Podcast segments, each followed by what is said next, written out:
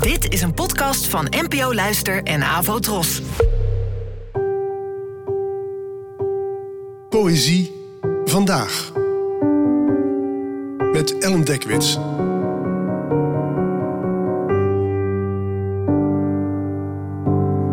Hallo, fijn dat je luistert.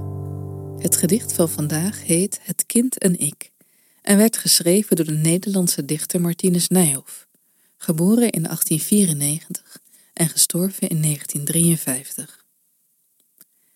Het kind en ik. Ik zou een dag uitvissen. Ik voelde mij moedeloos.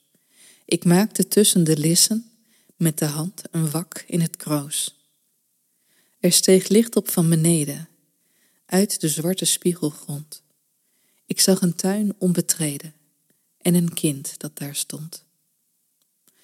Het stond aan zijn schrijftafel te schrijven op een lei. Het woord onder de griffel herkende ik, was van mij.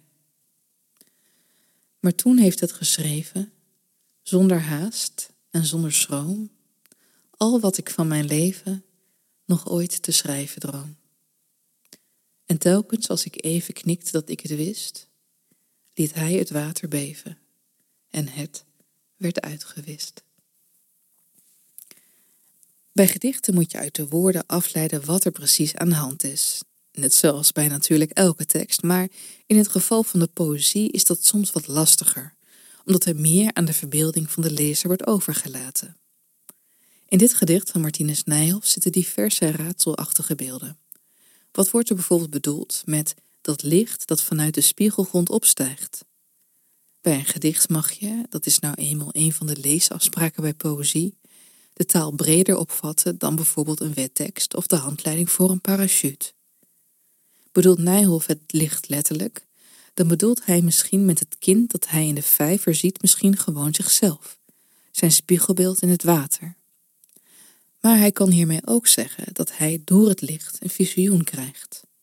En dan begint het in je hoofd, of tenminste in mijn hoofd dan, te knetteren. Ik begin door één simpele beschrijving verschillende mogelijkheden voor me te zien. Met woorden worden er in mijn geest verschillende filmpjes getoverd. Worden beelden opgeroepen zoals je geesten oproept. Ontstaat er een sprookjesdia of, naar gelang de tekst, een fantasmagorie. Die telkens als je van invalshoek verandert weer van kleur verschiet. De beste gedichten zijn prisma's. Ze breken het licht en laten zien wat daar nog veel meer onder schuil gaat. Bedankt voor het luisteren en tot de volgende keer. Abonneer je op deze podcast via de gratis app van NPO Luister. Daar vind je ook een handig overzicht van het complete podcastaanbod van de NPO. Afro Tros, de omroep voor ons.